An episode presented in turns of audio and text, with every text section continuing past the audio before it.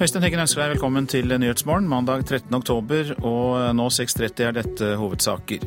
Lavere oljepris gir frykt i Nord-Norge for at oljen i Barentshavet ikke skal bli utnyttet. Man har jo sett og hørt om at folk har mista jobbene sine. Og klart for et lite samfunn sånn som eh, Hammerfest er, så tror jeg mange kanskje vil merke det ekstra hardt. Ukrainas forsvarsminister må gå, den tredje som mister jobben på et halvt år. Tyrkia gir USA tillatelse til å bruke flybaser i landet for å bekjempe IS. Og jaget etter det perfekte liv får skylden for økningen av spiseforstyrrelser blant unge jenter. Det er jo vanskelig, for det er press fra alle kanter hele tiden. Og du skal være best i alt og kunne alt. Og det er tøffere enn man tror og kanskje tenker over for de fleste. Nord-Norge rammes dersom oljeprisen ikke stiger igjen. I helgen falt prisen til sitt laveste nivå på nesten fire år. Og det kan være en for lav pris til at det blir lønnsomt å utvikle oljefelt i Barentshavet. Og i Hammerfest er folk altså bekymret. Hammerfest, her fra NRKs Sommeråpent, er vekstbyen med isfri havn, av enkelte kalt både Klondyke og det neste Stavanger. Fra Snøhvit-anlegget har allerede gassen strømmet i flere år, og store oljeplaner venter i det enorme Barentshavet nordpå. Men nå skaper den fallende oljeprisen uro blant folk på gata. Man har jo sett og hørt om at folk har mista jobbene sine. Og klart for et lite samfunn sånn som eh, Hammerfest der, så tror jeg mange kanskje vil merke det ekstra hardt. Nei, det blir vel masse tomme butikklokaler da. Og det har vi jo nok av fra før av. Hvis utviklinga fortsetter sånn som det er med nå, med utsettelse både her og der og Hvis prisen går for mye ned, så blir det jo mindre aktivitet. Det, jeg, det tror jeg. Og nå som oljeprisen er nær sitt laveste nivå på fire år, er bekymringen reell sier sjefanalytiker Erik Bruse i Nordea Markets. Mange av de vanskeligst utbygde områdene de er jo avhengig av høy oljepris, og en del av de er i nord. Så det er absolutt eh, for, for de områdene så er det viktig at oljeprisen iallfall ikke faller videre fra, fra dagens nivåer. at ja, helst trekker opp mot 100 igjen. Og dersom oljeprisen biter seg fast under 90 dollar fatet, blir det tøft å bygge ut og tjene penger på Barentshavets gigantiske oljefelt, som Johan Castberg og Goliat. Det påpeker også energianalytiker Lill Sandvik i Bayerngass Norge. Det er veldig vanskelig i Barentshavet. Du krever store volumer for å få noe utbygging der. Alt skal jo bygges Det er jo ingen infrastruktur der. Det er mye is, det er langt unna markedene. Så det kreves en høy pris og det gjelder kanskje enda mer eh, gass, eh, fordi du må bygge rørledninger ut av området og sånn også. Men også oljeprisen. Det må være høye priser for at du skulle kunne bygge ut et område så langt nord og så langt vekk fra markedet. Vi er jo allerede i en situasjon hvor oljeinvesteringene vil falle, og det, iallfall neste år. og Usikkert hva som skjer videre. og klart 90 dollar fatet, det, det kan gjøre at uh, nedturen blir hardere og litt lengre. Da må vi regne med høyere ledighet blant de som jobber i den type bedrifter. og De blir mer avhengig av at andre næringer går bedre, som, som kan ta opp den ledige arbeidskraften. Men sjeføkonom Jan Andreassen i Eika-gruppen tror også de fleste andre norske næringer får det tøft om oljeprisfallet fortsetter. Jeg frykter det. Jeg tror at uh, virkningsberegninger av store oljeprisfall ikke tar helt høyde for at også hotell og restaurant, uh, fritidsboligmarkedet, uh, reiselivsnæringer og ikke minst kommunenes skatteinntekter, og derfor derigjennom også da sykehjem og skoler, er avhengig av at det går sånn noenlunde brukbart i oljenæringene. Våre reportere her, Sindre Heyerdahl og Jan Harald Thomassen. God morgen til deg, Tina Saltvedt. God morgen. Du er senioranalytiker i Nordea Markets, og ja, i nord så er de bekymret for lav oljepris. Så har de grunn til det? Ja, For øyeblikket så ser det ikke så veldig godt ut i oljemarkedet. Det er spesielt en svekkelse av verdensøkonomien som vi nå bekymrer oss for. Det har kommet eh, svakere tall fra Asia eh, til morgen i dag, og ikke minst også lokomotivet i Europa, nemlig Tyskland, viser svakhetstegn. Så det er det vi egentlig bekymrer oss for øyeblikket. Men så har vi vært vant til å se at uh, uro i andre oljeproduserende land har ført prisen opp igjen. Irak Libya f.eks. Uh, har vi ikke den virkningen nå? For øyeblikket så viser det seg at det har veldig liten påvirkning på oljeprisen. Ved starten av sommeren så var det nettopp eh, Russland og Irak som preget oljemarkedet og prisen veldig mye. Da drev den jo prisene veldig høyt opp. Nå ser det ut som at den bekymringen er helt borte. Og det har nok noe med at man ser at etterspørselen etter olje faller eller blir svakere når verdensøkonomien eh, vokser i et saktere tempo. I tillegg til at det er veldig mye olje i markedet nå, og da bekymrer man seg mindre for at det skal bli mangel på oljemarkedet. Hvis du ser lengre fram, eh, er det noen muligheter for mer optimisme for eh, de som ønsker seg utnytting av eh, Barentshavet? For øyeblikket så syns jeg det ser ganske trått ut. Og det har eh, noe med rett og slett at eh, det ser ikke ut til at den kinesiske økonomien kommer til å få et boost med det første. Heller ikke den europeiske.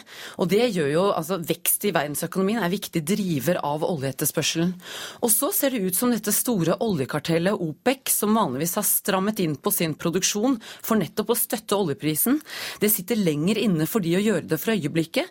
Det er høy konkurranse blant blant de store produsentene med å få solgt sin olje i Asia. Rett og slett fordi at en av de store landene som bruker mye olje, USA, produserer nå så mye selv. De trenger ikke å importere så mye. Og da blir det faktisk en liten priskrig i Asia med lavere priser. Det ser ikke ut som de har tenkt å endre det på en liten periode, og det gjør at jeg ikke tror at vi kommer til å få en veldig rask oppgang i prisene nå. Nå har vi jo da snakket om virkningene i Barentshavet og på verdensbasis, men eh, hva kan da følgende også da bli for eh, resten av norsk næringsliv? Ja, altså En Svakere oljepris det har selvfølgelig en påvirkning på oljeproduksjon her i landet, eller på igangsettingen av nye prosjekter. Og det er jo det vi bekymrer oss for nå. For den oljeproduksjonen som er i gang, den påvirkes svært lite. Men det er nye prosjekter, og det er jo her man trenger arbeidskraft. Det er det som også kan bidra til f.eks. boligbygging, når vi nå har vært inne på det som skjer i Nord-Norge. Slik at det er jo det man bekymrer seg for. I tillegg, når oljeselskapene da senker tempoet på det de har tenkt å sette i gang, så blir det da etterspørsel etter eh, etter arbeidskraft i andre relaterte industrier, det vil jo også falle, slik at vi ser at arbeidsledigheten øker i nettopp denne industrien. Men så har vi en annen side. Da. Det er jo at nettopp når oljeprisen faller, så kan krona svekke seg noe. Og det gjør det jo egentlig lettere for annen eksportindustri å bli mer konkurransedyktig med utlandet. Så noe kan vi også tjene på en lavere oljepris. Og avslutningsvis eh, så kan en lavere oljepris bety at eh, man får et tilbakeslag for klimakampen. For billigere olje betyr at man kanskje velger fossilt framfor fornybart? Ja, dessverre. Altså, vi eh, forbrukere vi ser jo veldig mye på prisen og lite på annet. Og når oljeprisen faller, så faller bensinprisene. Og da er det ikke like lett å bytte til renere alternativer. Så ja, dessverre. Takk skal du ha, Tina Saltvedt, senioranalytiker i Nordea Markets. Politiet i Hongkong begynte i dag tidlig å fjerne barrikader som er bygd opp av demonstranter i byens sentrumsgater de siste ukene. Politiet skal ha gått varsomt fram, og de sa at demonstrantene kunne bli, på, bli i området. Ved den viktigste protestleiren i nærheten av regjeringskontorene i Admiralty District så var det imidlertid eh, i begynnelsen av det som skjedde, konfrontasjoner mellom eh, studenter og eh, politi. Demonstrantene krever fullt demokrati og frie valg i Hongkong. Og litt seinere i Nyhetsmorgen etter klokka sju får vi en oppdatering fra vår korrespondent eh, i Asia, Peter Svaar. Tyrkiske myndigheter har gått med på å la USA bruke flyplassen i landet for å gjennomføre flyangrep mot IS. Det gjelder bl.a. Eh, Incirlik-flyplassen sør i landet. Det er en talsmann for det amerikanske forsvaret som sier dette. Detaljene om bruken av flyplassene skal utarbeides de nærmeste dagene, melder AFP. Og Ukrainas forsvarsminister går av. Det er den tredje forsvarsministeren i landet som må forlate denne Urias-posten på et halvt år. Det var på sine nettsider Ukrainas president Pjotr Porosjenko søndag kunngjorde at Valerij Hiletej etter eget ønske nå går av som forsvarsminister, og at presidenten i løpet av mandagen vil komme med et nytt navn. Heletei er en tidligere politimann og sjef for livvakttjenesten. Men han får hovedansvaret for at den ukrainske hæren gikk på et alvorlig nederlag i kampen mot de russiske separatistene i landet i slutten av august. Særlig har Heletei fått mye kritikk fordi han gikk i spissen for å arrangere en militærparade i hovedstaden Kiev 23.8, samtidig som russiske styrker gikk inn i Ukraina for å støtte separatistene. Hundrevis av ukrainske soldater ble drept og såret i løpet av noen dager, og til slutt måtte president Porosjenko gå med på våpenhvile, som i praksis gjør at separatistene i dag kontrollerer en stor del av Donbas-området. Våpenhvilen som ble inngått i Minsk 5.9, har den siste tiden blitt utsatt for sterkt press, og senest i helgen ble minst fire mennesker drept av granater i Danetsk. President Parasjenko skal etter planen møte Russlands president Vladimir Putin i Italia på fredag, i et nytt forsøk på å få til en mer varig fred i Ukraina. Mer enn 3000 mennesker har mistet livet siden konflikten startet for fullt i februar i år. Morten Jentoft, Moskva. Så til det avisene er opptatt av i dag. Frank Rossavik mener SV er på autopilot når partiet kritiserer Nato, skriver Klassekampen. SV-historikeren mener partiet ivrer etter å forstå USAs fiender, snarere enn å innta et blokkuavhengig tredje standpunkt i utenrikspolitikken. Oljefondet snuser på eiendomskjøp i Asia, får vi vite i Dagens Næringsliv. Siden fondet fikk lov å investere i eiendom for fire år siden, har de investert 80 eh, milliarder kroner i USA og Europa. Nå står eiendom i asiatiske storbyer for tur. Bakmennene går fri, er oppslaget i Aftenposten. Politiet må jobbe på en helt annen måte med økonomisk kriminalitet, sier skattedirektør Hans Christian Holte. Han foreslår regionale økonomietterforskere direkte underlagt Økokrim.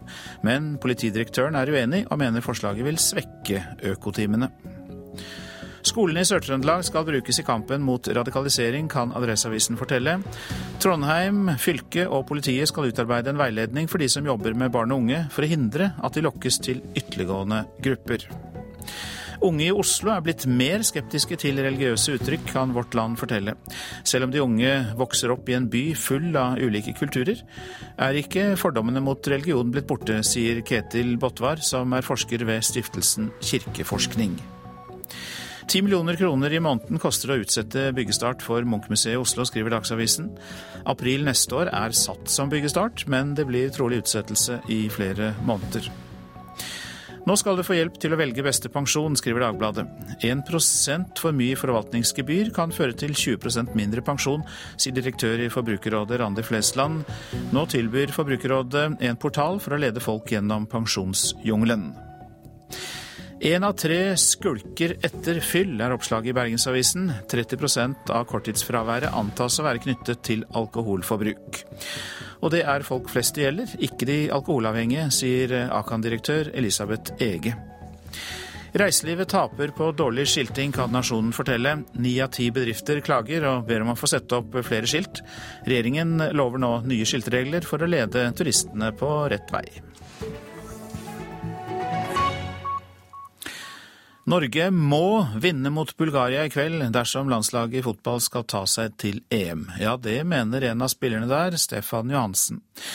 Men landslagssjefen selv, Per-Mathias Høgmo, nekter å kalle det et eventuelt poengtap på Ullevål i kveld for et nederlag.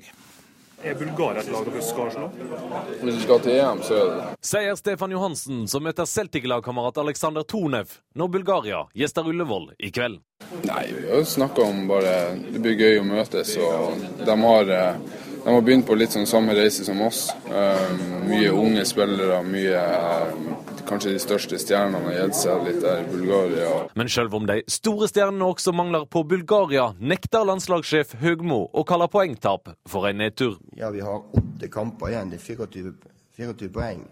Eh, så det avgjøres ingenting. Men det er klart, med en seier så tar vi et veldig godt utgangspunkt for, for videre.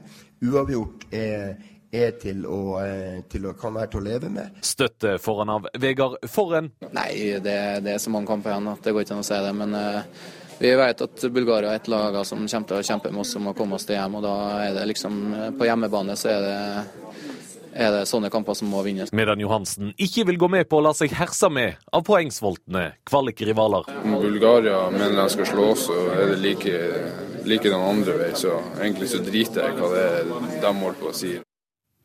Reporter her, det var Hans Henrik Løken, og du kan høre Norge-Bulgaria i kveld på NRK Sport fra klokka 20.15, og det sendes også på NRK P1 fra klokka 20.34.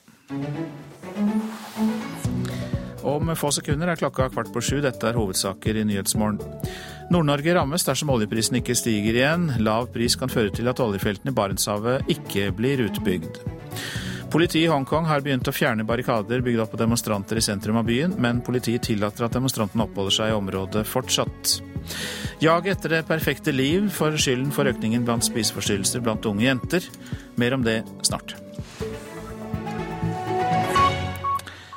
En 20 år gammel mann fra Gudbrandsdalen møter i dag i retten tiltalt for seksuelle overgrep og krenkende handlinger mot 46 jenter i alderen 12 til 18 år. Selv ber mannen om delvis lukkede dører under rettssaken av frykt for å bli hengt ut i sosiale medier. Tiltalte har vært omtalt på sosiale medier, og der har han vært lagt ut med navn, adresse, telefonnummer, bilnummer, det sier forsvarer Kåre Lund, som representerer den 20 år gamle mannen som i dag møter i Sør-Gudbrandsdal tingrett. Han er tiltalt for seksuelle overgrep og krenkende handlinger mot 46 jenter i alderen 12 til 18 år. Forsvareren sier de vil be retten om delvis lukkede dører for å hindre at han hetses i sosiale medier. Men han presiserer at vanlige medier skal få overvære saken. For oss regner med at eh, pressa og media holder seg til de presseetiske regler, men vi føler at uh, det lett blir større belastning det som skjer på sosiale medier. Vi frykter at det kan eh, sitte folk i rettssaler som refererer direkte dit, nær sagt. Den tiltalte 20-åringen erkjenner ifølge forsvareren at han har hatt seksuell omgang med mindreårige, men ikke at han har brukt vold eller tvang mot noen av jentene. Den svært omfattende saken ble rullet opp etter at en av jentene i fjor anmeldte en voldtekt som 20-åringen skal ha begått. Bistandsadvokat Nina Bråten Hjortdal sier flere av jentene har hatt det vanskelig. For enkelte av de fornærmede så har de i hvert fall sagt at det er en forutsetning for at de skal greie å forklare seg, at saken går for lukkede dører. Det er, det er to poster som gjelder voldtekt. Eh, og så er det en rekke andre poster, og, og, det vil nok komme frem at en del av de jentene som den tiltalen omfatter, har hatt et kjæresteforhold til, eh, til tiltalte. I tillegg til voldtekt og seksuell omgang med mindreårige, er mannen også tiltalt for å ha utsatt flere jenter for en kjønnssykdom. Mannen skal dessuten ha fått mange av jentene til å sende ham seksualiserte bilder eller videoer av seg selv. Det er satt av tre uker til rettssaken. Og det sa reporter Alexander Nordby. Rike nordmenn jubler over kulturministerens frieri til private givere. Toril Vidvei vil skaffe mer penger til kulturlivet via den såkalte gaveforsterkningsordningen. Og en av de velstående investorene er svært fornøyd. Nei, Jeg tenker jo at dette er gledelig. Den svært kunstinteresserte forretningsmannen Christian Ringnes er storfornøyd med kulturministerens satsing. Ordningen går ut på at private pengegaver til landets kunstmuseer utløser et tilskudd fra staten. F.eks. vil en gave på 100 000 kroner bli til 125 000 kroner, fordi Toril Vidvei spytter i 25% ekstra.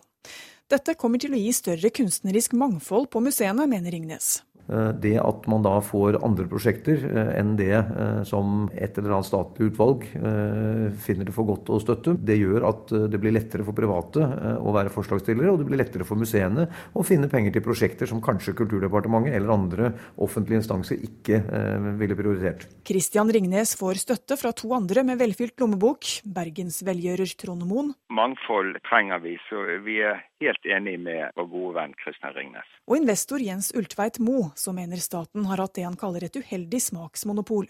Kunst skal være mangfold, og i og med at man nå kan få et mangfold av givere, tror jeg det vil gi rikdom også til kulturlivet. Kulturminister Toril Vidvei vil ha mer av det, og foreslår derfor en styrking av ordningen i neste års statsbudsjett. Fra 10 millioner inneværende år til drøyt 30 millioner for 2015. Det blir potensielt 120 millioner kroner i private pengedryss til de museene som omfattes av gaveforsterkningen. Dette året er det 72 stykker. Det er jo utrolig mye mer penger, og det er jo det, nettopp dette spleiselaget som er så fantastisk. Blant dem som allerede har fått penger gjennom ordningen, er Blåfarveverket, Norsk Folkemuseum og Baroniet Rosendal. Vidveis entusiasme deles likevel ikke av SVs nestleder Bård Vegar Solhjell. Vi ser jo nå at det her langt på vei kommer istedenfor å øke øke bevilgningene til kultur.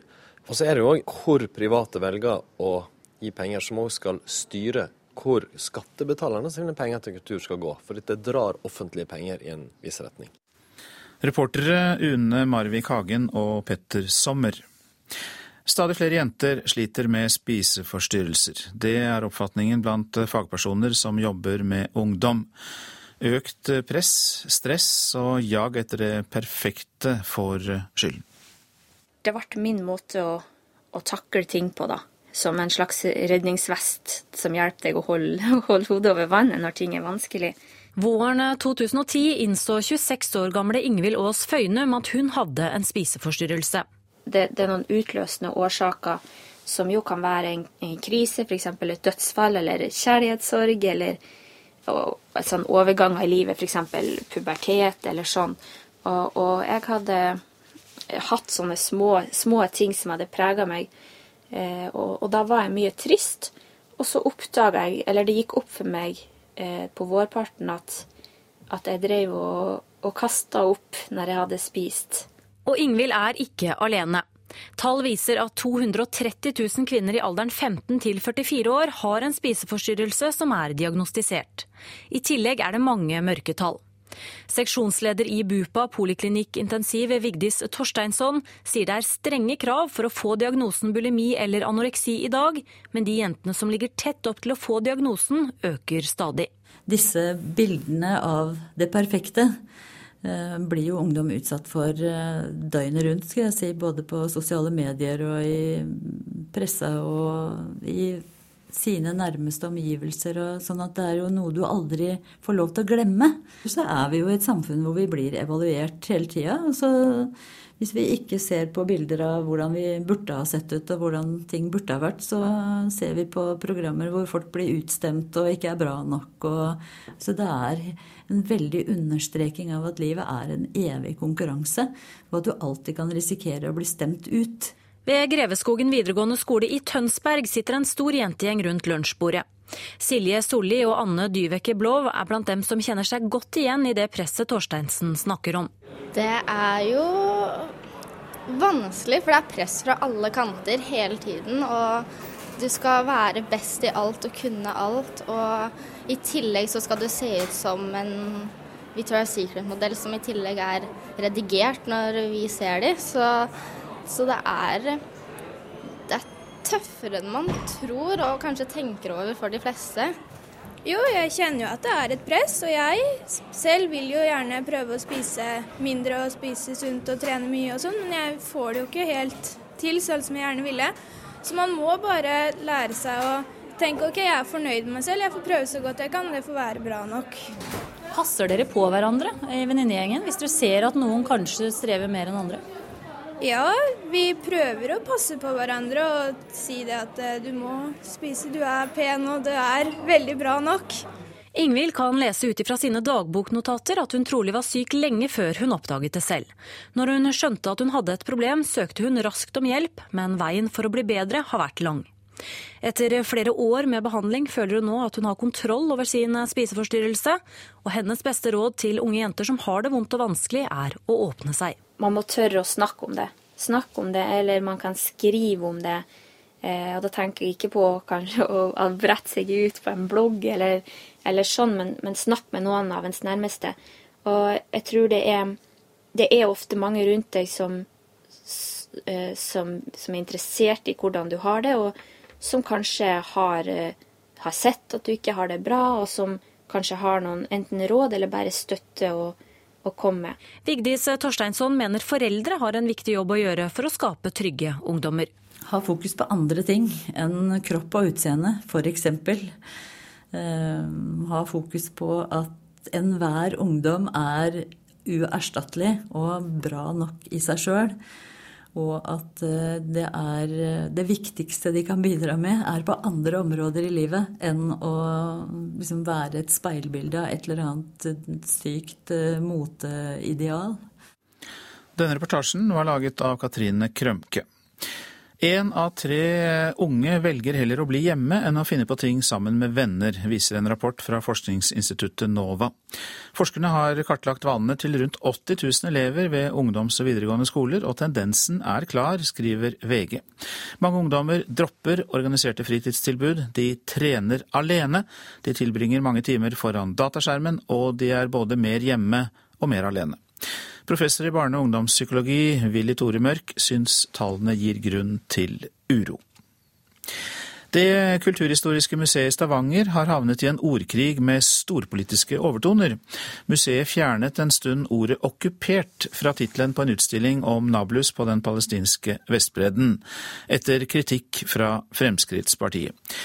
Men nå har museet ombestemt seg og tatt ordet 'okkupert' inn igjen i tittelen. Her har vi lagd en rekonstruksjon, eh, ganske tro kopi av en drikkefontene fra gamlebyen i, eh, i Nablus. Det er Stavangers vennskapsby. Stavanger har hatt et godt samarbeid og et godt forhold til Nablus i mange, mange år. Avdelingsdirektør for kulturhistorie Ove Magnus Bore og administrerende direktør Siri Aavitsland i Museum Stavanger viser fram biter av utstillingen som åpner 7.11. Utstillingen heter 'Nablus en okkupert by'. Stavangers vennskapsby Palestina. Men i en periode så fikk den et annet navn? Det gjorde han en liten kort periode. Så het utstillingen Nablus, en by på Vestbredden. Ord er makt, og da NRK gikk inn på museets nettside i forrige uke, var ordet okkupert plutselig fjernet fra tittelen på utstillingen.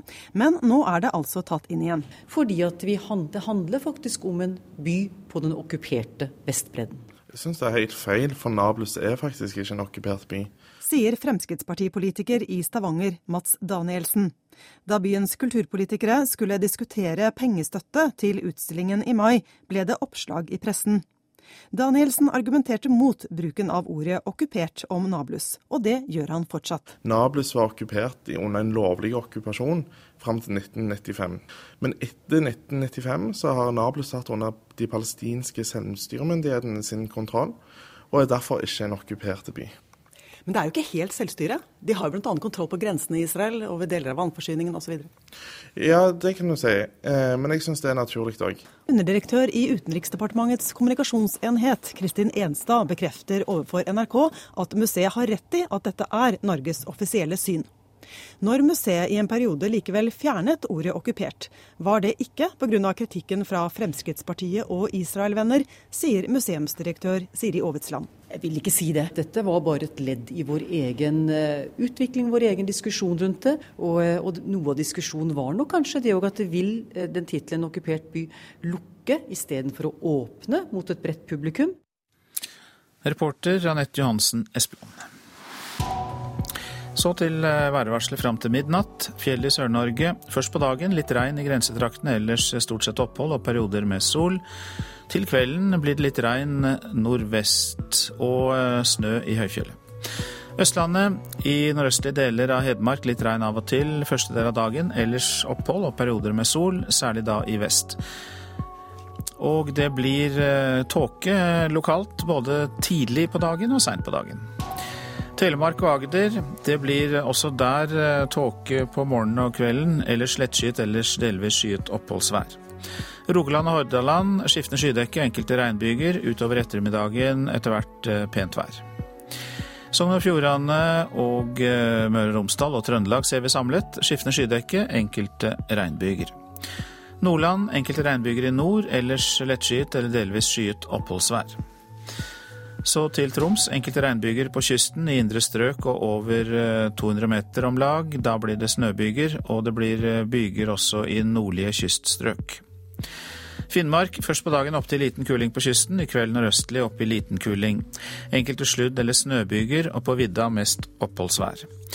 Nordensjøland på Spitsbergen, der blir det delvis skyet, stort sett opphold. Så går vi til temperaturene. Målt klokka fem i natt. Svalbard lufthavn minus sju, Kirkenes minus én, Vardø pluss to, Alta minus to.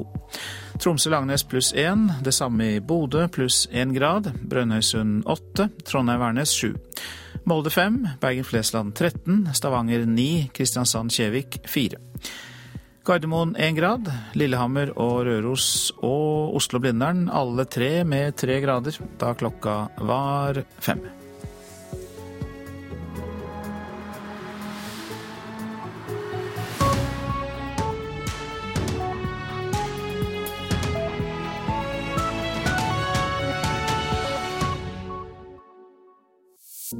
Ingeborg Moreus Hansen er tilhenger av den gode støy. For fred er ei det beste, og ikke stillheten heller, skriver hun i sin nye bok. Vi forbereder oss på en høylytt mandag i salongen når vi spør forfatteren hvorfor alderdommen absolutt må foregå på sosiale medier. Salongen 17 18 på NRK P2.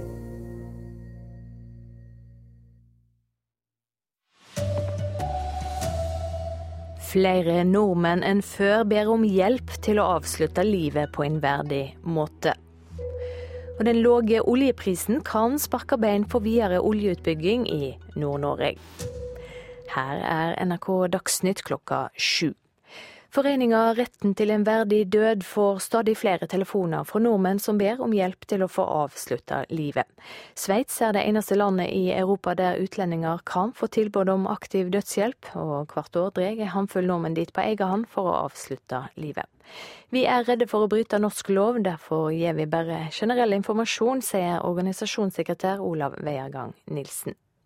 Anslagsvis har jeg vel fått en ti-tolv henvendelser bare dette året. Er det flere enn tidligere som ringer dere for å få hjelp? Det har vært en, en jevn stigning på mennesker som har spurt om dette, ja. Mennesker må få bestemme over sin egen død. Derfor arbeider vi for aktiv dødshjelp i Norge, sier Veirgang Nilsen. Det er menneskets eget liv. Mennesker som vurderer det slik at for meg så vil det være riktig å få samlet mine nærmeste, tatt ordentlig farvel med dem, og de kan minnes meg som en fortsatt oppegående person i mest mulig grad, istedenfor at de skal stå, måtte stå rundt og se, se, meg visne hen og ha et minne om meg som en helt hjelpeløs og uverdig person. Reporter Hans-Jørgen Solli. Nord-Norge blir råka dersom oljeprisen ikke stiger igjen. I helga falt prisen til sitt laveste nivå på nesten fire år, og det kan være for lågt til at det vil lønne seg å utvikle oljefelter i Barentshavet. Ei svekking i verdensøkonomien og stor konkurranse blant de som selger olje, gjør at prisen ikke vil stige på en stund, tror senioranalytiker i Nordea Markets Tina Saltvedt. For øyeblikket så syns jeg det ser ganske trått ut. Og det har noe med rett og slett at det ser ikke ut til at den kinesiske økonomien kommer til å få et boost med det første. Heller ikke den europeiske. Og det gjør jo altså vekst i verdensøkonomien er viktig driver av oljeetterspørselen.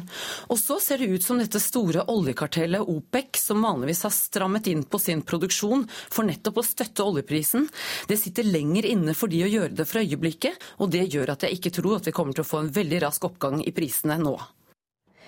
I Afghanistan er minst én person drepen og tre er såra etter en eksplosjon i hovedstaden Kabul i dag tidlig. Åtaket skjedde da en selvmordsbomber kjørte bilen sin inn i en Nato-kolonne på en av de viktigste gjennomfartsveiene i byen. De drepne og såra er trolig sivile som tilfeldigvis var på stedet. Taliban har tatt på seg skylda for åtaket. NRK Dagsnytt, Silje Sande.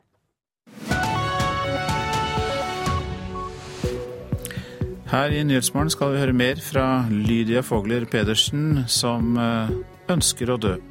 Og vi skal snakke med foreningen Retten til en verdig død.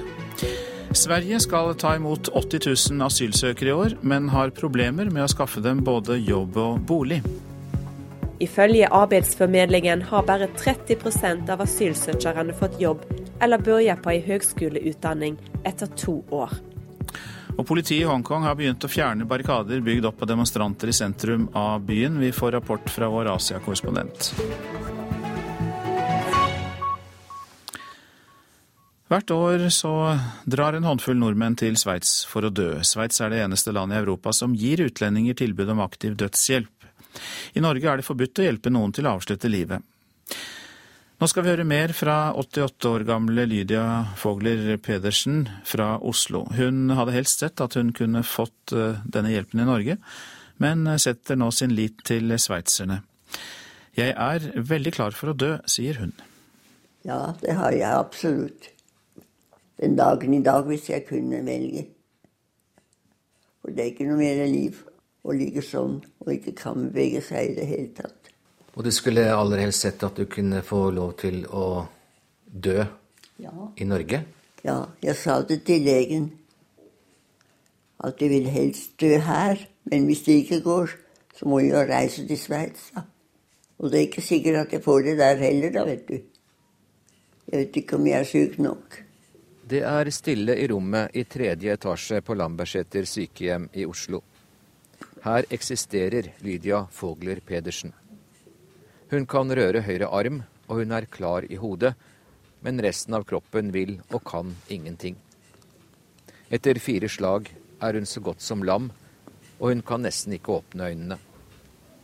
Derfor ligger Lydia hele tiden, i en rullestol eller i en seng. En gang var hun stadig på reisefot. Da snakket hun med hele verden. Nå snakker hun om lysten til å dø.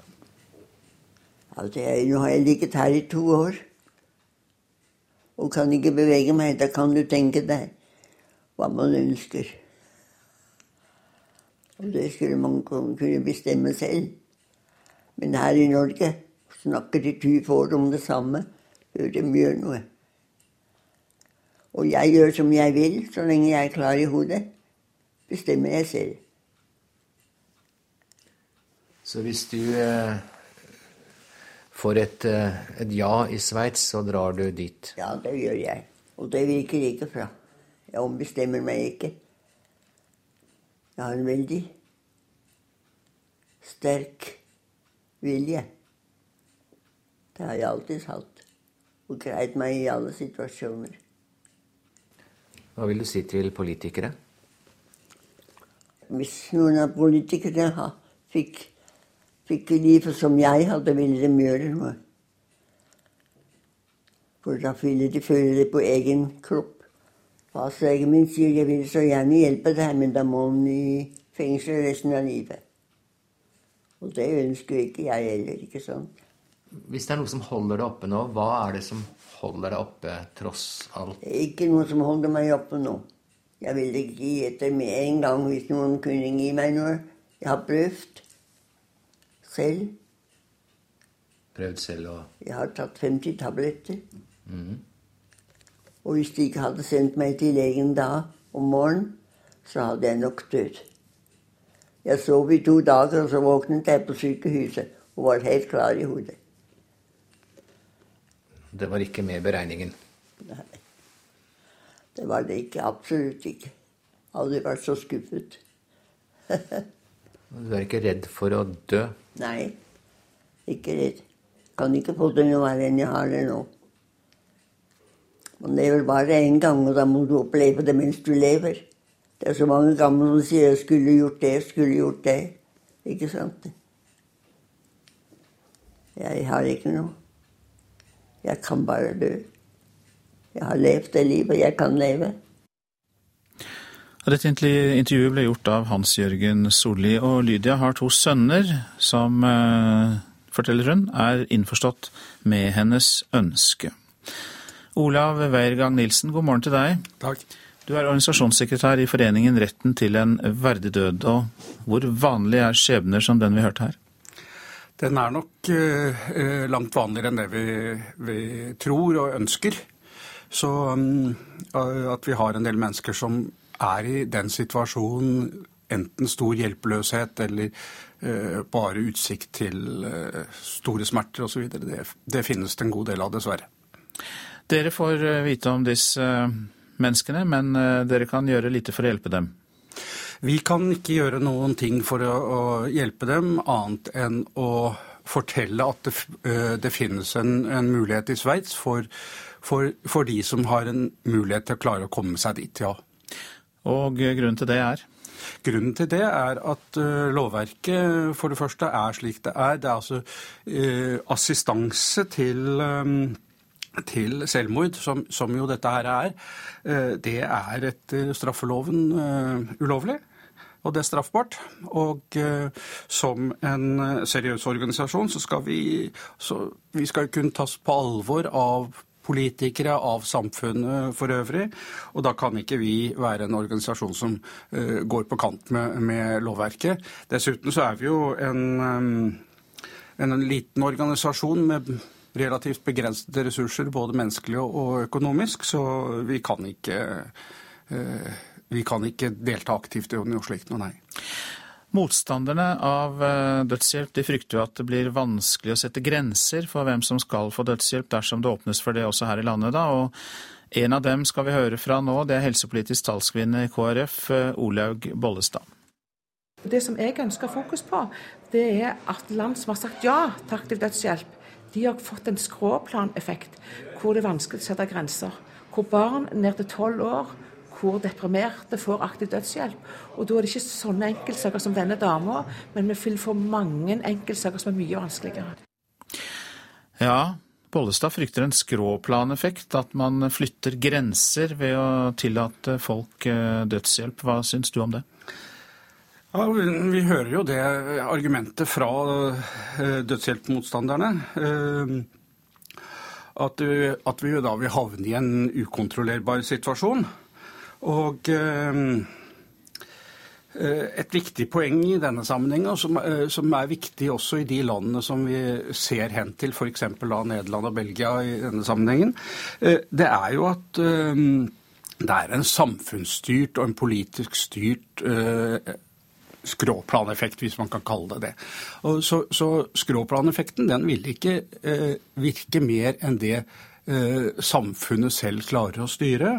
Og hadde vi skulle bruke en sånn argumentasjon på alle områder i, samfunnet, så, så, hadde vi jo ikke kommet veldig mye eh, lenger. Altså, jeg tenker på blant annet, La oss si sånn som eh, et sammenlignbart område som abortsaken. Eh, selv om det startet med stor motstand i sin tid, så er det fælt få som beklager at vi i dag har fått en, en situasjon med eh, selvbestemt rett til abort for kvinner. Dere i eh, foreningen Retten til en eh, verdig død eh, ønsker endring av lovverket. Men hvor realistisk tror du at eh, det er å få til i Norge i nær framtid? Uh, ikke i nær framtid, det, det, tror jeg ikke. Men jeg er helt overbevist om at vi kommer til å få en endring av uh, lovverket på dette området. Uh, en dag så vil politikerne ta inn over seg at det er flertall i befolkningen for uh, en eller annen form for dødshjelp. Og slik har det vært med mange saker i samfunnet, og jeg er helt overbevist på at vi kommer dit. Det tar bare litt tid. Mange takk skal du ha for at du kom, Olav eh, Weiergang Nilsen, som altså er organisasjonssekretær i Foreningen Retten til en verdig død.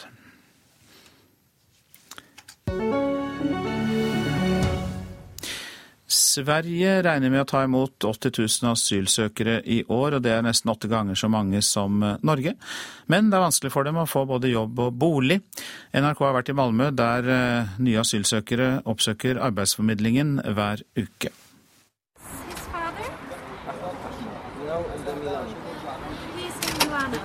På trappa utenfor Migrasjonsverket i Malmö står en mann fra Midtøsten med tre små barn og snakker med ei svensk kvinne på famlende engelsk. Med kneet som underlag skriver hun ned navnene og familierelasjonene på et løst ark. Innenfor får en bokstavelig tale et innblikk i flyktningsituasjonen som Europa står i. Her handler det ikke om båtflyktninger på fjernsynet, men folk i nød her og nå. Ventehallen likner mest på en flyplass, og er første stopp etter båt og fly eller lastebilturen til Sverige. De har kommet over broen på noe sett. Men om de har kommet en del fra flyplassen, andre har smuglet til Sverige. Avdelingssjef i Migrasjonsverket Anna Wessel sier Sverige tar imot rundt 2000 asylsøkere i veka, rett og slett fordi så mange kommer. Sverige har plikt til å behandle søknadene deres. Rundt 600 av dem kommer til Malmö. Sier en palestinsk tolk på arbeidsformidlingen i Malmö. Sverige sa tidlig at alle fra Syria hadde rett til asyl, men sliter med å tilby jobb og bostad til alle. Asylsøkerne blir i gjennomsnitt boende 130 dager ekstra på asylsentre, fordi mange kommuner vegrer seg mot å åpne opp. Altså, jeg er arkitekt. Palestinske Mervat fra Syria er arkitekt og har vært i Sverige i elleve måneder. Nå er hun på arbeidsformidlingen, som har laga en etableringsplan til henne. Han begynner med svensk og skal ende med en jobb. Men de er det ikke flust av. Ifølge arbeidsformedlingen har bare 30% av asylsøkerne fått jobb eller begynt på ei høgskoleutdanning etter to år. Men Mervat er håpefull. Jeg skulle si det er store problemer med å finne bosted, absolutt. Seksjonssjef Kristina Kokk hos Arbeidsformedlingen vedgår at det er vanskelig med bostad og jobb. Men hun er optimistisk. De har fått ekstra ressurser, og hun sier at rundt halvparten av asylsøkerne som nå kommer, særlig de fra Syria, er høyt utdanna. IT, eh, profesjoneller, eh, lekere, økonomer. Eh, vi har anstilt flere, og vi kommer å anstille flere. Trass i det store arbeidspresset, sier Wessel at Migrasjonsverket nok skal klare utfordringer med den store flyktningstrømmen. Medan Sverige venter å ta imot 80 000 asylsøkere i år, venter Norge 11 000 og Danmark rundt 20 000. Men dette er ikke urettvist, mener Wessel. Vi eh, tar hånd om de søkende som, som, kommer til Sverige, og funderer ikke så mye på hvordan man gjør i andre land. Det er vårt oppdrag. Reporter i Malmö, Tove Irén Gerhardsen. Du lytter til Nyhetsmorgen, og klokka den går mot 7.16. Vi har disse hovedsakene. Lav pris kan føre til at oljefeltene i Barentshavet ikke blir utbygd. Svekket verdensøkonomi og mye olje i markedet gjør at prisen ikke kommer til å stige på en stund sier oljeanalytiker Tina Saltvedt. I Afghanistan er minst én person drept og tre såret etter en eksplosjon i hovedstaden Kabul i dag tidlig. Og Indias president er på statsbesøk i Norge. Mer om det snart i Nyhetsmorgen. Men først eh, til Hongkong, for der har politiet fjernet enkelte av barrikadene rundt regjeringsbygningene og gjenåpnet flere veier for trafikk. Det skjedde uten alvorlige sammenstøt med demonstrantene, som nå bare utgjør et hundretall. Og Asia-korrespondent Peter Svaar, du er i Beijing. Betyr det at studentblokaden av Hongkong går mot slutten? Det betyr i hvert fall at de akkurat nå er i ferd med å gå litt eh, tom for damp. Demonstrasjonene går nå på tredje uken. Det er eh, en del som har gitt opp eller som har måttet vende tilbake til eh, jobb og hverdag igjen. Og for å nevne et eksempel, Klokken ti i morges lokal tid var det 100 demonstranter igjen rundt regjeringskvartalet, og et tyvetalls demonstranter i området Mongkok. Men dette virker jo også som har vært byregjeringens taktikk til nå, å ikke konfrontere demonstrantene, men heller vente dem ut. og så nå gradvis begynne å avvikle protestleirene deres. I morgentimene ble flere av blokadene rolig plukket fra hverandre av politiet uh, enkelte steder, mens demonstrantene forsvarte barrikadene uh, på noen andre steder. og Politiet valgte da ikke å konfrontere dem. Og så er det slik at Administrasjonslederen i Hongkong, Leung, blir nå gransket i en korrupsjonssak. og Kan han bli tvunget til å gå allikevel? Det er i hvert fall en uh, sak som nå utnyttes for alt den er verdt av uh, studentene og demokratibevegelsen. Og Det er nok heller ikke tilfeldig at uh, avsløringen kom mens presset mot Siwa Liang allerede er veldig stort. Han har tatt imot 50 millioner Hongkong-dollar, som er litt over 40 millioner norske kroner, fra et australsk konstruksjonsfirma bare noen dager før han tiltrådte sånn som administrasjonsleder i 2011. Og pengene skulle betales ut i flere omganger i 2012 2012 og 2013, altså mens han satt som eh, byens leder. Eh, Leong sier selv at han eh, mener han ikke har gjort noe galt, men dette skal nå granskes av både australsk politi og av Hongkongs egne korrupsjonsgranskere, så utfallet av den prosessen er ikke gitt. Og så var det jo en periode aktuelt med samtaler mellom studentene og regjeringen, men det ble avlyst. Er det noe som tyder på at de kan bli tatt opp igjen? Akkurat nå tyder det meste på at uh, snarere tvert imot. Tonen har de siste dagene blitt stadig mer uh, uforsonlig. Uh, Siwa Liang sa i helgen at studentene har nærmest null sjanse til å nå frem. At protestene har spunnet ut av kontroll, som han formulerte det. Og han gjentok at han ikke kommer til å gå av. Studentleder Joshua Wong på sin side, som i dag fyller 18 år, utfordret i helgen Kinas president Xi Jinping direkte oppfordret ham til å oppfylle Kinas løfter til Hongkong om eh, demokratiske eh, valg i 2017. Takk skal du ha, Asia-korrespondent Peter Svaar.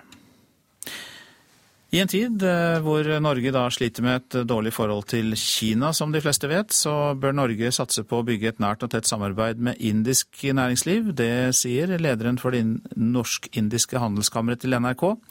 For i dag innleder Indias president Pranab Mukherjee det første statsbesøket i Norge. Norsk næringsliv kan le et godt stykke til banken hvis de investerer i India nå, tror Rina Sunder, leder i Norsk-indisk handelskammer.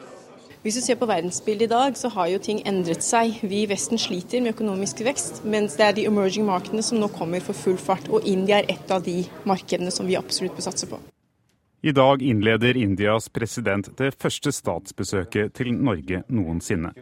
Presidenten har med seg den største næringslivsdelegasjonen som noen gang har vært i landet. Et dårlig forhold til Kina gjør at Norge bør satse hardt på Asias andre gigant.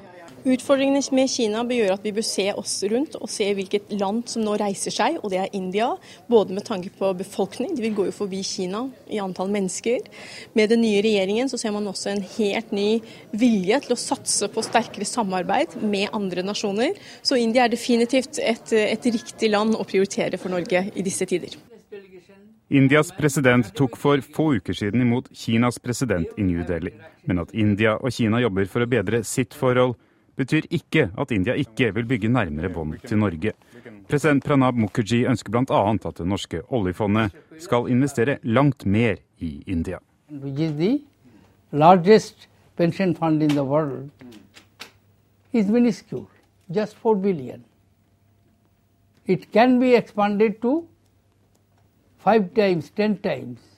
Norge er veldig sterke innenfor maritim industri. Vi har mye å komme med innenfor olje og energi, bioteknologi. Så det som blir spennende de kommende dagene, er jo hva vi kan få til når det gjelder forskningssamarbeid og næringslivssamarbeid. Og til slutt hørte vi Rina Sunder som leder av Norsk-indisk handelskammer. Reporter her, det var Philip Lote. Så sier vi god morgen til Geir Falkenberg. God morgen. Du har bodd i India. Du har gitt eh, råd, eller du gir råd til indiske selskaper som interesserer seg for Norge. Og Indias president er altså på statsbesøk i eh, dag. Og eh, For å ta det først, på hvilke områder eksisterer det allerede et eh, godt samarbeid? Jeg vil si På forskningsområdet så har det nå bygd seg opp et ganske omfattende samarbeid mellom Norge og India. Det har de gjort over, over flere år. Eh, nordområdene, faktisk. Det er jo også et viktig tema for, for indisk president når han er her. Altså, India har faktisk en forskningsstasjon på Ny-Ålesund. Eh, og de har nå også blitt da Eh, observatører i Arktisk råd. Slik at alt det som skjer med klima, med nordområdene, med geopolitikk, altså storpolitikken som skjer i nordområdene, det er noe vi samarbeider med India om. Og på hvilke områder oppfatter du det som viktig å styrke samarbeidet? Potensialet for næringssamarbeid er jo enormt. Altså India er jo et gigantisk potensielt marked for norske bedrifter som jeg syns norske bedrifter har vært altfor dårlige til å utnytte. Eh, for indiske selskapers del. Så jeg jobber jo selv som rådgiver for et stort indisk IT-selskap her i Norge. Og det er klart at på IT-området så er Norge et veldig interessant marked for indiske selskaper, som har gjort det veldig bra i Norge de siste årene. Tror du det kan være enklere å jobbe i India enn eh, å jobbe mot Kina? Vanskelig spørsmål kanskje, men nå kjenner ikke jeg Kina så godt som jeg kjenner India, men India er ikke noe lett land å jobbe mot. Det er et krevende marked. Og det er et kontinent. altså Det er mange delmarkeder. Det er stor forskjell mellom de ulike delstatene. Så det å på en måte forholde seg til India som en helhet, det er ganske krevende. Jeg ville ha begynt i en av delstatene og gjort meg kjent der, og kanskje kommet inn i en nisje og ikke gapt over for mye til å begynne med. Og så må du ha et langsiktig perspektiv, for India er et krevende marked, et tøft marked. Ja, og så er det vel kanskje både byråkrati og korrupsjon de må håndtere når de skal forsøke seg i India? Korrupsjon har vært og er et problem i India, det er ingen tvil om. Men samtidig gjør nå indiske myndigheter, og ikke minst nå statsminister Modi, tar en del grep som er veldig lovende når det gjelder å bekjempe korrupsjon. Og vi har hatt noen dommer i det siste hvor eh, høyt prominente mennesker blir satt i fengsel i tre-fire år. Så det er mye som skjer for å bekjempe korrupsjon, men det er fortsatt et problem. Og hverdagskorrupsjonen er veldig irriterende i India.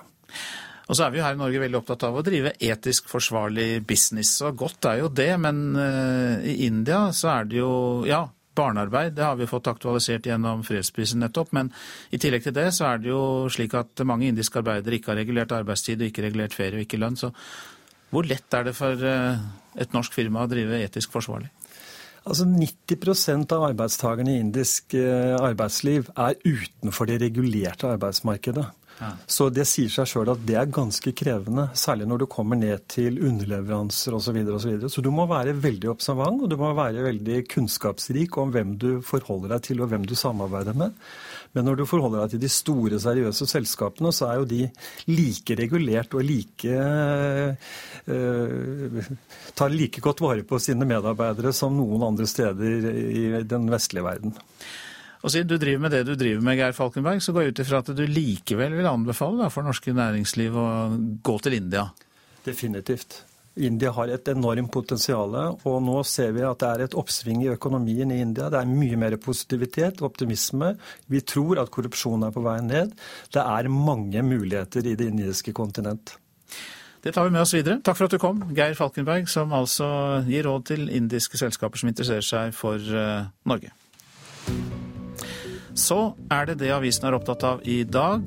Frank Rossavik mener SV er på autopilot når partiet kritiserer Nato, skriver Klassekampen. SV-historikeren mener partiet ivrer etter å forstå USAs fiender, snarere enn å innta et blokkuavhengig tredje standpunkt i utenrikspolitikken.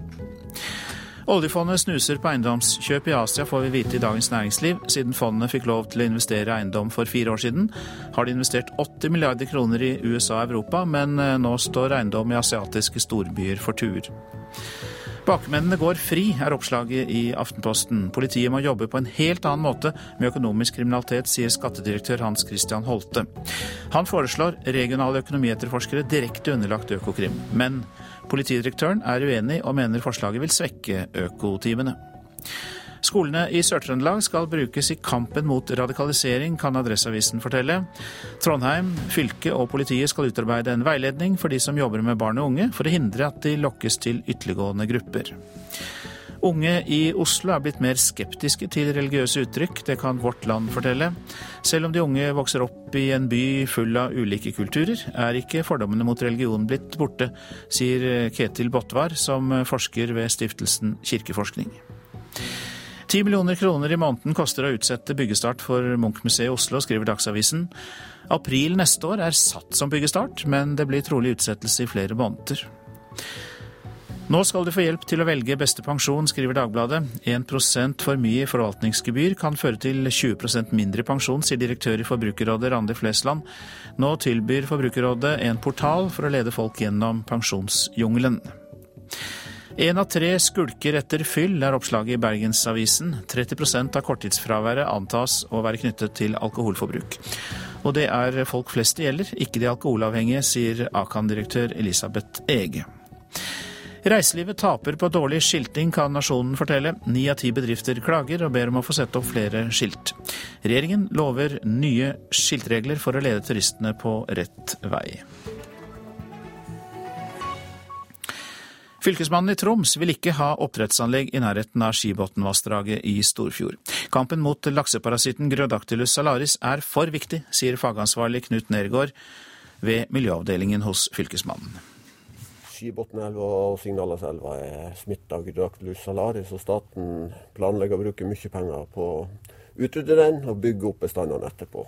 Og det er betydelige pengesummer som brukes på det, og da syns vi det er særlig urimelig at man skal etablere anlegg som vil være i konflikt og kan true de bestandene på sikt. Kystsoneplanen for Lyngen Storfjord og Kåfjord har vært ute på høring, og fristen er nå gått ut. Det har kommet mange innsigelser, særlig mot at planen foreslår å omgjøre de tidligere torskekonsesjonene ved Larsberg, Rasteby og Bensjåbukta til laksekonsesjoner. Med lakseoppdrett kommer også faren for rømming og lakselus, og Nergård er overraska over at det foreslås slike anlegg så nær disse elvene. Nei, Det er jo litt overraskende, men, men samtidig så har jo skjønner jo kommunene som ønsker å tilrettelegge for det. Men vi mener jo at man må finne arealer for oppdrett som ligger i større avstand fra de her vassdragene med viktige bestander. Ordfører i Lyngen Sølvi Jensen mener det kan bli vanskelig å finne nye lokaliteter i Lyngenfjorden, men hun tar innsigelsene på alvor. Vi skal jo behandle denne kystsoneplanen på en skikkelig måte, og så skal vi se hva vi finner ut. Vi skal ta hensyn til både fylkesmannens innsigelser og eventuelt andre sine innsigelser. Reporter her, det var Laila Lanes. Du lytter til Nyhetsmorgen. I reportasjen etter Dagsnytt kan du høre at FN bare har fått inn 25% av pengene medlemslandene har lovet til kampen mot ebola.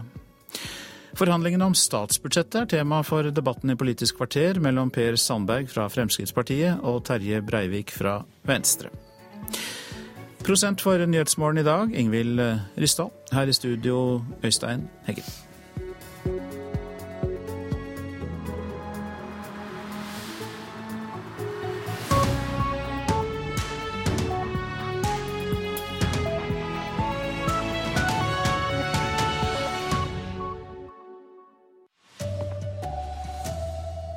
88 år gamle Lydia trygler om hjelp til å dø etter to år i senga uten å kunne røre seg.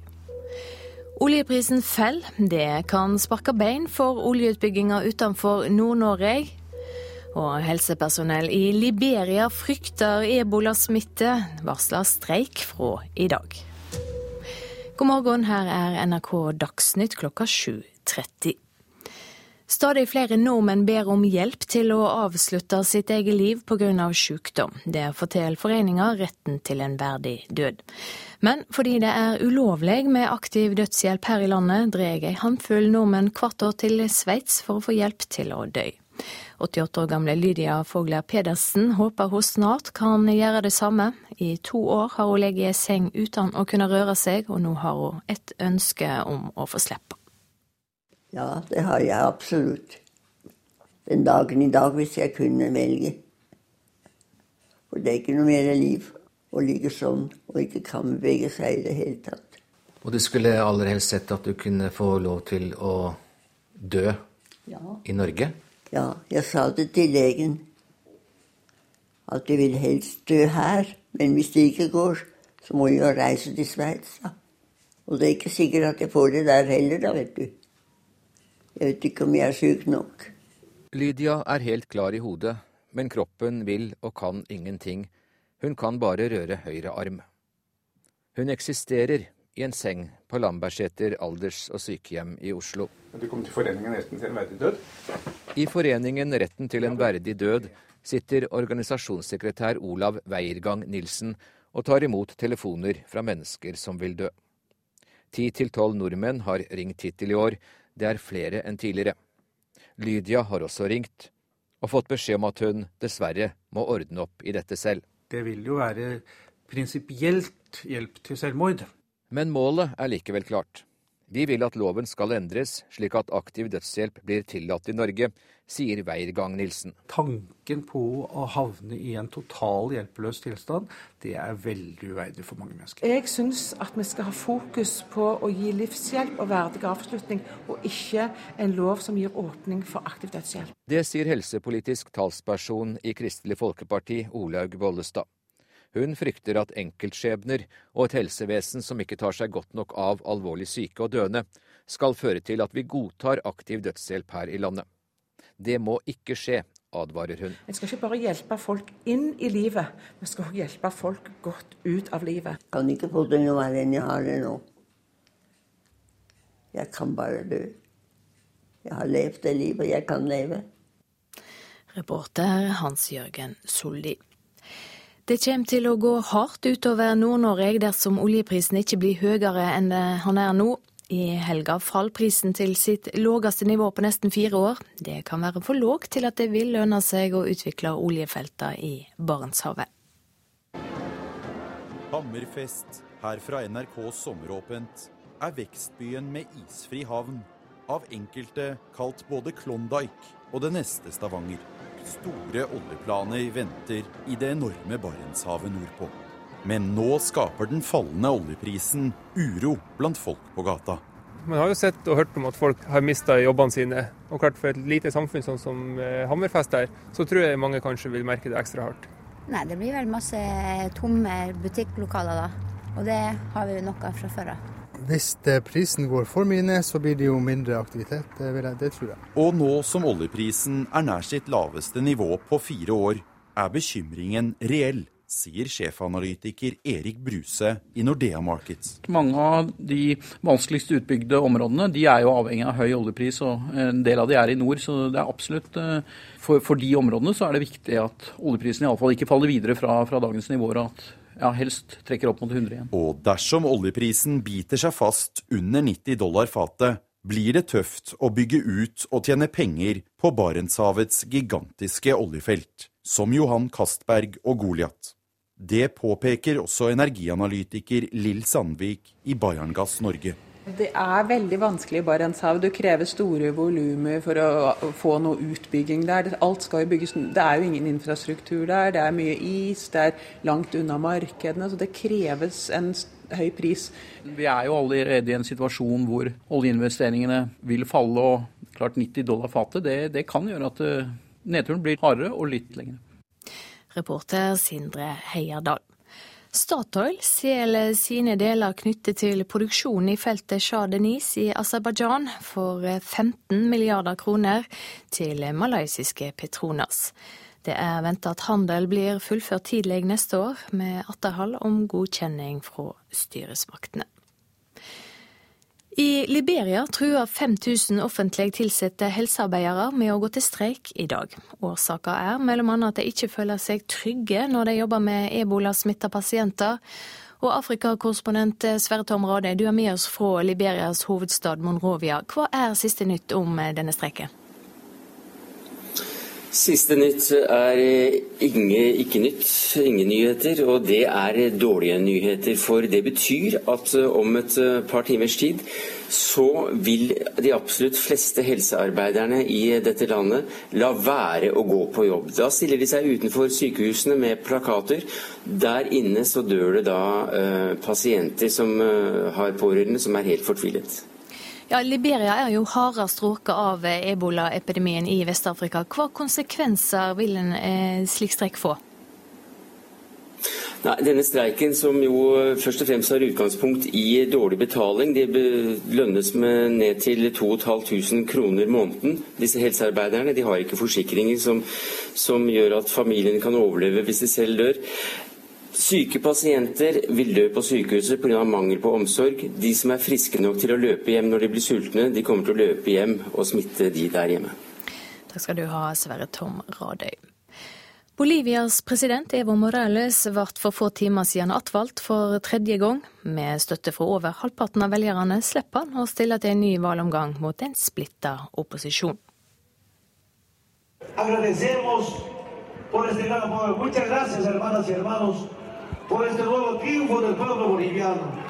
Vi setter stor pris på denne støtten. Tusen takk, kjære brødre og søstre. Dette er en seier for det bolivianske folket, sa Bolivias president Evo Morales etter at det ble kjent at han nå for tredje gang kan ta fatt på en ny presidentperiode. Morales fikk over 60% av stemmene. Dermed slipper han å stille til en ny valgomgang. Bolivia er et av Latin-Amerikas fattigste land. Men med den tidligere fagforeningslederen Verore er Bolivia et av landene i Latin-Amerika med raskest økonomisk vekst. Siden han ble valgt har andelen bolivianere som lever i ekstrem fattigdom, sunket fra 33 til 20% Det sa reporter Guri Nordstrøm. Tyrkiske styresmakter har gått med på å la USA bruke flyplassene i landet for å gjennomføre flyåtak mot de ekstreme islamistene i IS. Avtalen gjelder også en viktig flyplass like ved den syriske grensa, ifølge ei kjelde i det amerikanske forsvaret. Detaljer om bruken av flyplassene skal utarbeides de nærmeste dagene. Så sport. En enkel blodprøve kan hjelpe idrettsutøvere, t.d. ishockeyspillere, til å unngå langvarige skader etter hjerneristing. Det viser en ny svensk studie. Så, hvordan kjennes det? Du kjenner ingenting i benet, ingen sånt? Nei. Det er bra. En nål stikkes inn i ryggmargen til Marius Holte. Ryggmargsvæske tappes ut, dråpe for dråpe. I den kan man måle nivået på proteiner som er sluppet løs fra hjernen. Ishockeyspilleren har slitt med en hjernerystelse i nesten ett år nå. Det mest slitsomme med det egentlig er at man blir, har så dårlig tålmodighet. Hver sesong får et titalls ishockeyspillere i svensk eliteserie hjernerystelse. Mange kommer for tidlig tilbake på isen og blir ikke friske. En studie ved Salgrenska universitetssykehus i Gøteborg utvikler en metode som raskere og enklere kan fastslå hvor alvorlig en hjernerystelse er. Det forteller professor i nevrokjemi Henrik Setteberg. Og Der har vi gjort en studie sammen med svenske eliteserien i hockey. Der vi faktisk mäter et protein som heter tau i blodet. Og Der kan vi se at om vi får et blodprov en time etter en hjernskakning i arenaen, så kan vi mäta opp om det er forhøyde eller normale nivåer. Er nivået av proteiner for høyt etter en smell i hodet, får spilleren beskjed om å holde seg unna trening og kamper i lengre tid. Dermed vil han unngå en langvarig skade. Reporter Anne Rognerud. Ansvarlig for Dagsnytt denne morgenen, Silje Katrine Bjarkøy. Teknisk ansvarlig Hans Ole Hummelvold. Her i studio, Silje Sande.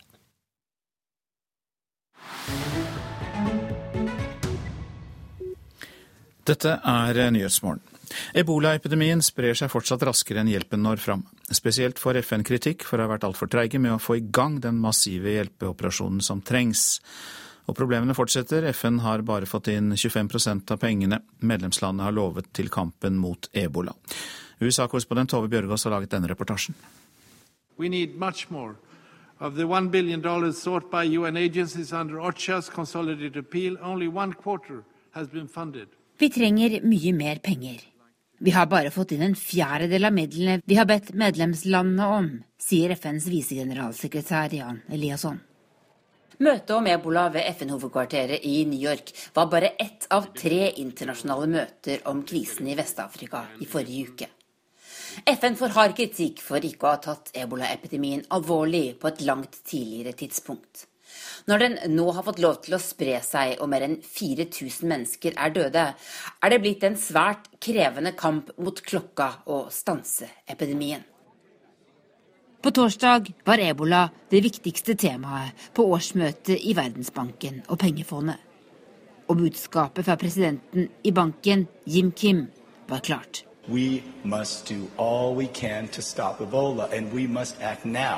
Men det går for sakte, mener president Ernest Bay Koroma i Sierra Leone, som var med på møtet på videolink. The general international response has up to this moment been slower than the rate of transmission of the disease. This slower than the virus response need to change. Det som skremmer både Koroma og verdens fremste epidemieksperter, er at ebola virkelig har fått fotfeste i storbyene i Sierra Leone og Liberia.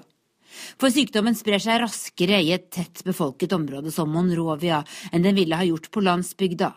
Og derfor haster det enda mer å få flere behandlingsplasser opp og stå, sier Liberias president Ellen Johnson Sirleaf. This means the construction of treatment and testing and bearing centers within a time frame of one month.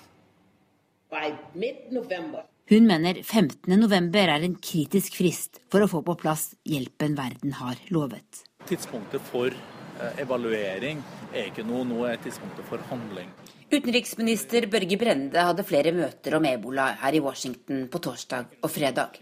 Denne uka reiser han selv til Liberia for å se logistikken rundt hjelpeinnsatsen der med egne øyne. Ikke minst er det viktig at vi nå ser på muligheten for å sende norsk helsepersonell, sende mer utstyr, og at vi får på plass en logistikk gjennom f.eks. bruk av FN. F av Forsvarets Hercules-fly for uttransportering av eventuelt smitta. En av dem som tidligst slo alarm om ebolaepidemien i Vest-Afrika, er direktør ved USAs smitteverninstitutt, Tom Frieden.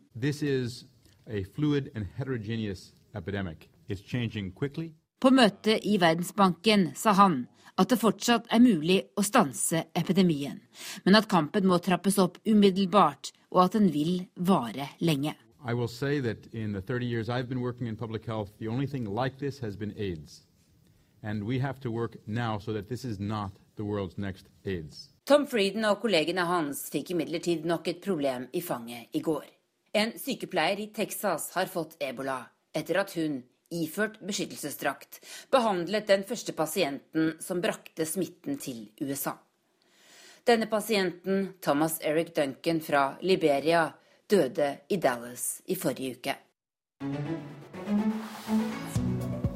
Dette er hovedsakene i Nyhetsmorgen. Lav oljepris kan føre til at Barentshavet ikke blir utbygd. Svekket verdensøkonomi og mye olje i markedet gjør at prisen ikke kommer til å stige på en stund, sier oljeanalytiker Tina Saltvedt. I Liberia truer 5000 helsearbeidere med å gå til streik i dag. Grunnen er at de ikke føler seg trygge når de jobber med ebolasmittede. Tyrkiske myndigheter gir USA tillatelse til å bruke flyplassen i landet som baser for angrep mot den ytterliggående gruppa IS. Avtalen gjelder også en viktig flyplass like ved den syriske grensen ifølge en kilde i det amerikanske forsvaret. Og på denne tiden av døgnet så er det tid for Politisk kvarter. Programleder der, Bjørn Myklebust.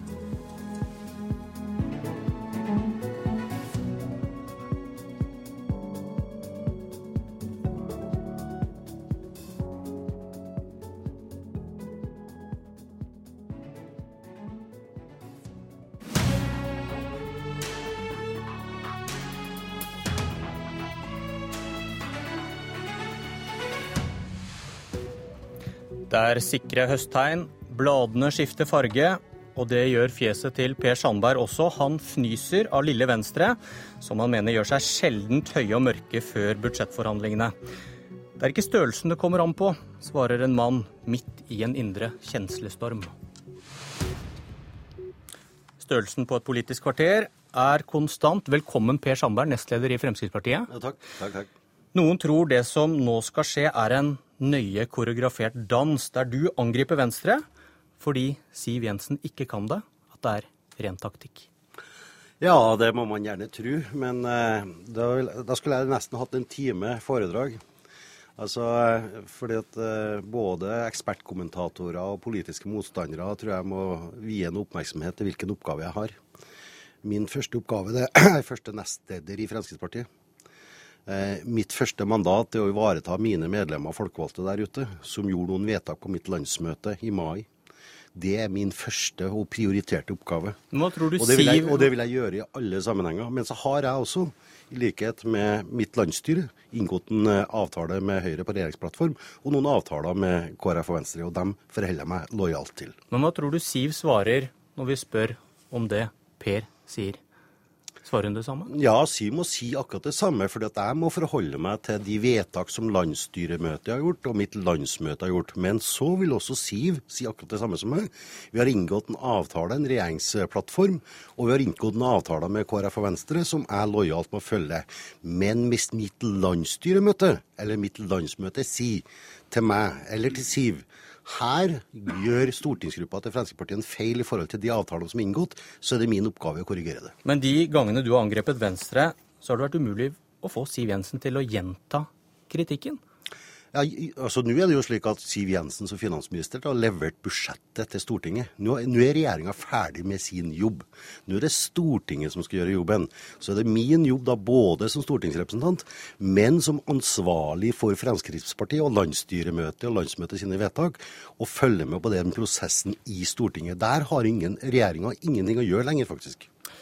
Nå kan du for første gang fortelle direkte til Venstre hva som er galt med måten de har reagert på dette budsjettforslaget? Det, det er jo ikke så, så ille, men, men, det jeg reagerer sterkt på, eh, det er først og fremst det som lederen i eh, Venstre eh, sier i Vandrehallen. Det er det at når Fremskrittspartiet fremmer en politikk til det beste for næringslivet, til det beste for distriktene, som går på bilavgifter spesielt, så premierer vi en miljøfiendtlig atferd. Og det tror jeg heller ikke Terje Breivik er enig i.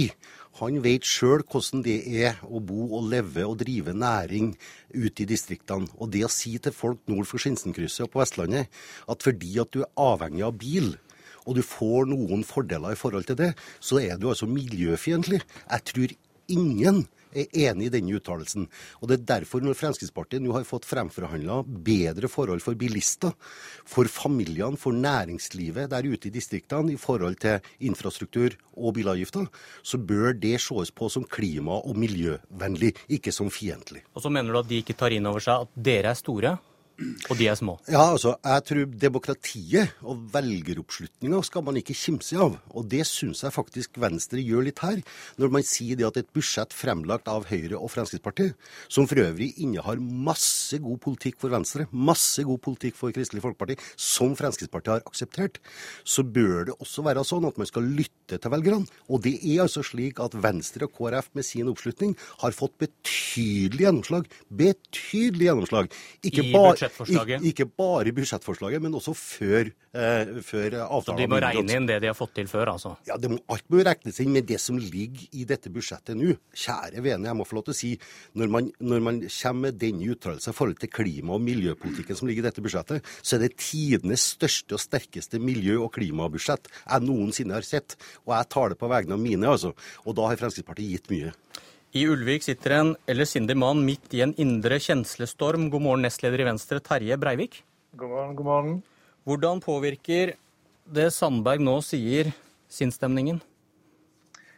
Ikke mer enn at jeg er litt forundret over at han kommer, med et sånt utspill. Frp er større enn Venstre. Eh, case closed. Jeg vet heller ikke om Sandberg har reflektert så, så mye over det, men skal regjeringen få vedtatt et statsbudsjett, så er det ikke være større enn Venstre. Du må ha flertall på Stortinget. Og For å re rekapitulere litt fersk politisk historie, så må jeg forklare litt, eh, litt kjenslene og, og, reaksjonene til Venstre på statsbudsjettet.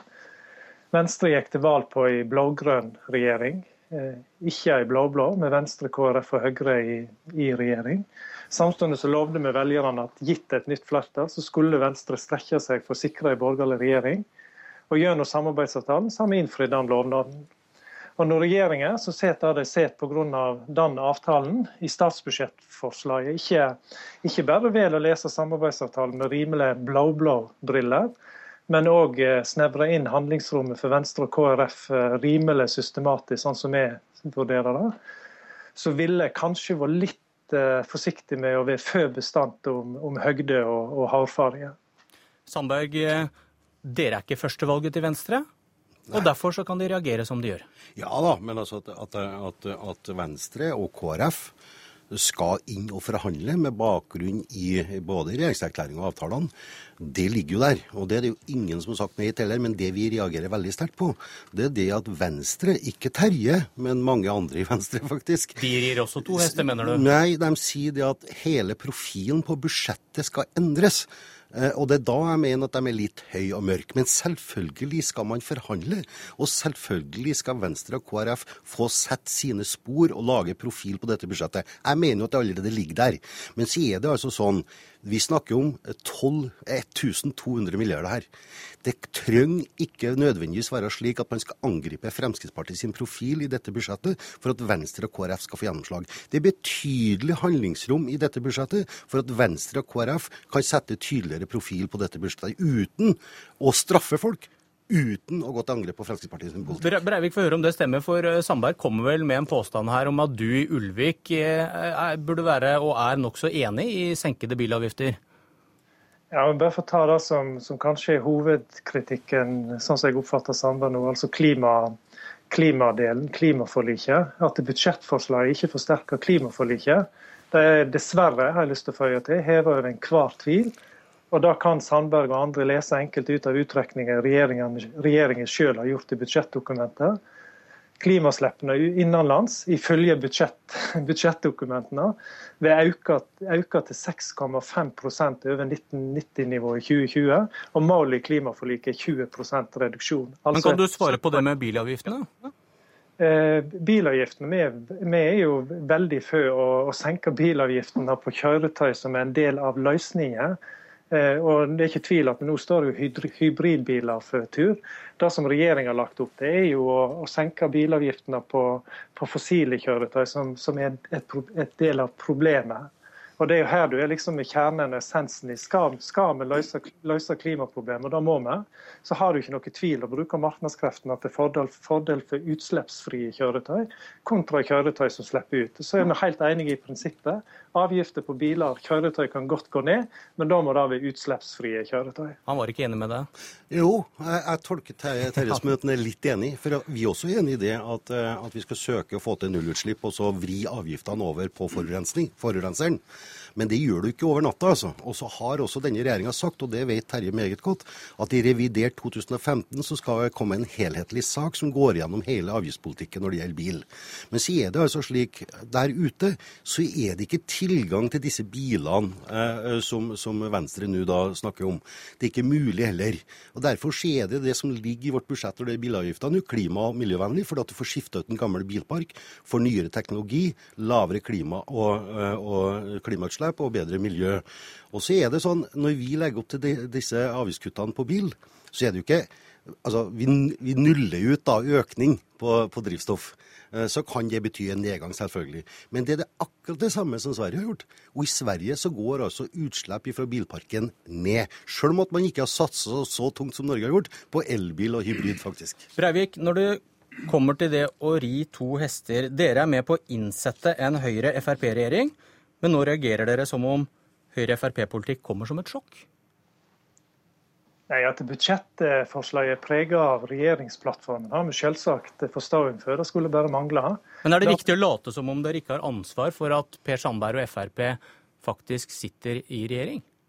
Det er ikke, det er ikke fela, men sjela som skal spille. Altså Reaksjonene som jeg ga uttrykk for på onsdag, hadde rimelig fort, fort fått avslørt hvis ikke det var ektefølt. Og Hvis du gir meg nett et par minutter for, eller et lite minutt til å forklare hvorfor sant? Det vi reagerer på, er at forslaget er så reinskåret blåblått.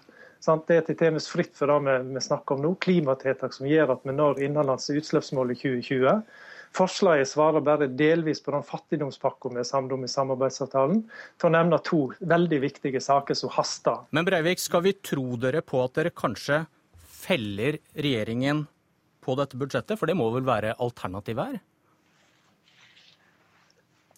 Venstre har som utgangspunkt at vi skal bli samlet. Det krever ikke minst eh, klimaproblemet. Og jeg vil jo, eh, jo selvsagt eh, møte til forhandlingene med to ører og én munn. Ikke minst for å lytte til tankene regjeringa har rundt praktiseringen av samarbeidsavtalen. Og enda viktigere, hvordan de mener vi best skal ivareta ansvaret vi sammen har tatt på oss for å styre landet slik landet fortjener. Sandberg, er dere dømt til å finne sammen? Ja, jeg tror helt sikkert at vi skal greie det også nå. Altså, det kunne jo vært interessant å spørre Terje og, og Venstre hvorvidt at handlingsreglene er viktigere enn klima og miljø. For at Hvis det er mer på klima og miljø man ønsker seg, hvis det er mer på bistand og utvikling man ønsker seg, eh, så er det fritt fram å forhandle om det. Men det trenger ikke bety økte avgifter og straffe det norske folk betydelig mer. Du vil bruke mer oljepenger Nei, men, hvis, hvis det, det, kunne vært et interessant spørsmål å se. Ja. Hvis det er slik at um, man i forhandlingene nå sier til Venstre og KrF at de vil få akkurat det de vil på miljø, de vil få akkurat det de vil på klima, de vil få akkurat det de vil på eh, bistand. Eh, men de må hente det ut fra friske midler. Ville de da sagt ja eller nei? Jeg er stygt okay, redd for at de ville ha sagt nei da også. Ja eller nei, Terje Breivik. Er du villig til å bruke mer oljepenger for å få gjennom kravene dine? Det er jo en direkte fallitterklæring å legge opp til en oljepengebruk som ikke er bærekraftig på sikt, og, som er direkte usolidarisk med kommende generasjoner i et statsbudsjett. Så det, det betyr at handlingsregelen er viktigere i klima og miljø? 1200 milliarder. Okay. Det er keine problem å gjøre omprioriteringer i forbindelse det, det, var et nei. Takk for debatten. Magnus Takvam, du sitter her også, politisk kommentator i NRK. Eh, hva vet du om hvor smerteterskelen til Frp ligger i de forhandlingene som kommer nå? Nei, eh, Vi har jo vært eh, innom det. Det går på eh, profilen, de profilsakene Frp har fått gjennom. Særlig dette med bilavgiftene. Det er en av de sakene som på Finansdepartementets hjemmeside Siv Jensen selv trekker fram. Reduserte bilavgifter. Så er det selvfølgelig de satsingene på samferdsel, justis og andre ting som de har fått, fått gjennom. Og jeg tror hvis vi går inn i detaljene på dette med, med, avgifter, så er det noen av bilavgiftene som er viktigere enn andre. F.eks. denne omregistreringsavgiften som gjør det billigere å kjøpe mm, bruktbiler. Den, den vil ikke Frp endre på. Så spørs det om de kanskje kan være villige til å se litt og justere litt på de andre. Men dette blir tøft. Ja, vi, vi kan ta det siste spørsmålet vi var innom her. Kan regjeringen kjøpe seg fri ved å bruke mer oljepenger for å innfri kravene. Hva tenker du om det? Teoretisk kan det, men jeg tror eh, man har brukt så mye, eh, sprengt liksom grensen for bruk av oljepenger i dette budsjettet så mye at det ikke eh, er aktuelt. Og det gjør det selvfølgelig ekstra vanskelig på en del punkter. Da må man enten omprioritere eller redusere skattelettene. Og for FrPs del, siden vi snakker om det, så tror jeg ikke de har eh, giftet seg med, denne, med den formen for formuesskatt som vi har her. De kan justere litt både på volumet og profilen på å hente litt penger der, f.eks. Vi hører jo at avstanden på enkelte viktige saker er veldig stor her. Er de, er de dømt til å finne sammen, eller kan dette, dette felle regjeringen? Nei, det, jeg tror ikke det. Men det er slik man ordlegger seg, eh, så er det klart at det eksponerer en, en, veldig konflikt internt mellom disse fire samarbeidspartiene. I øyeblikket særlig mellom Venstre og, og Frp. Eh, jeg tror det blir krisepregede forhandlinger, men at de kommer i mål. Og det kan jo, Den politiske prisen her er jo at det skaper et bilde av at det disse fire har vært enige om, er egentlig bare å skifte ut de rød-grønne og Arbeiderpartiet. Det må være et sterkere lim mellom dem for å holde på på lengre sikt. Helt til slutt, eh, hva vil du si om Per Sandberg sine angrep? Hvordan leser du det? Han har den rollen han har, og den er uh, gjenkjennelig. Men den forsterker jo nettopp denne, dette inntrykket av splid internt blant de fire borgerlige partiene. Takk, politisk kommentator Magnus Takvam. Dette var Politisk kvarter, og jeg heter Bjørn Myklebust.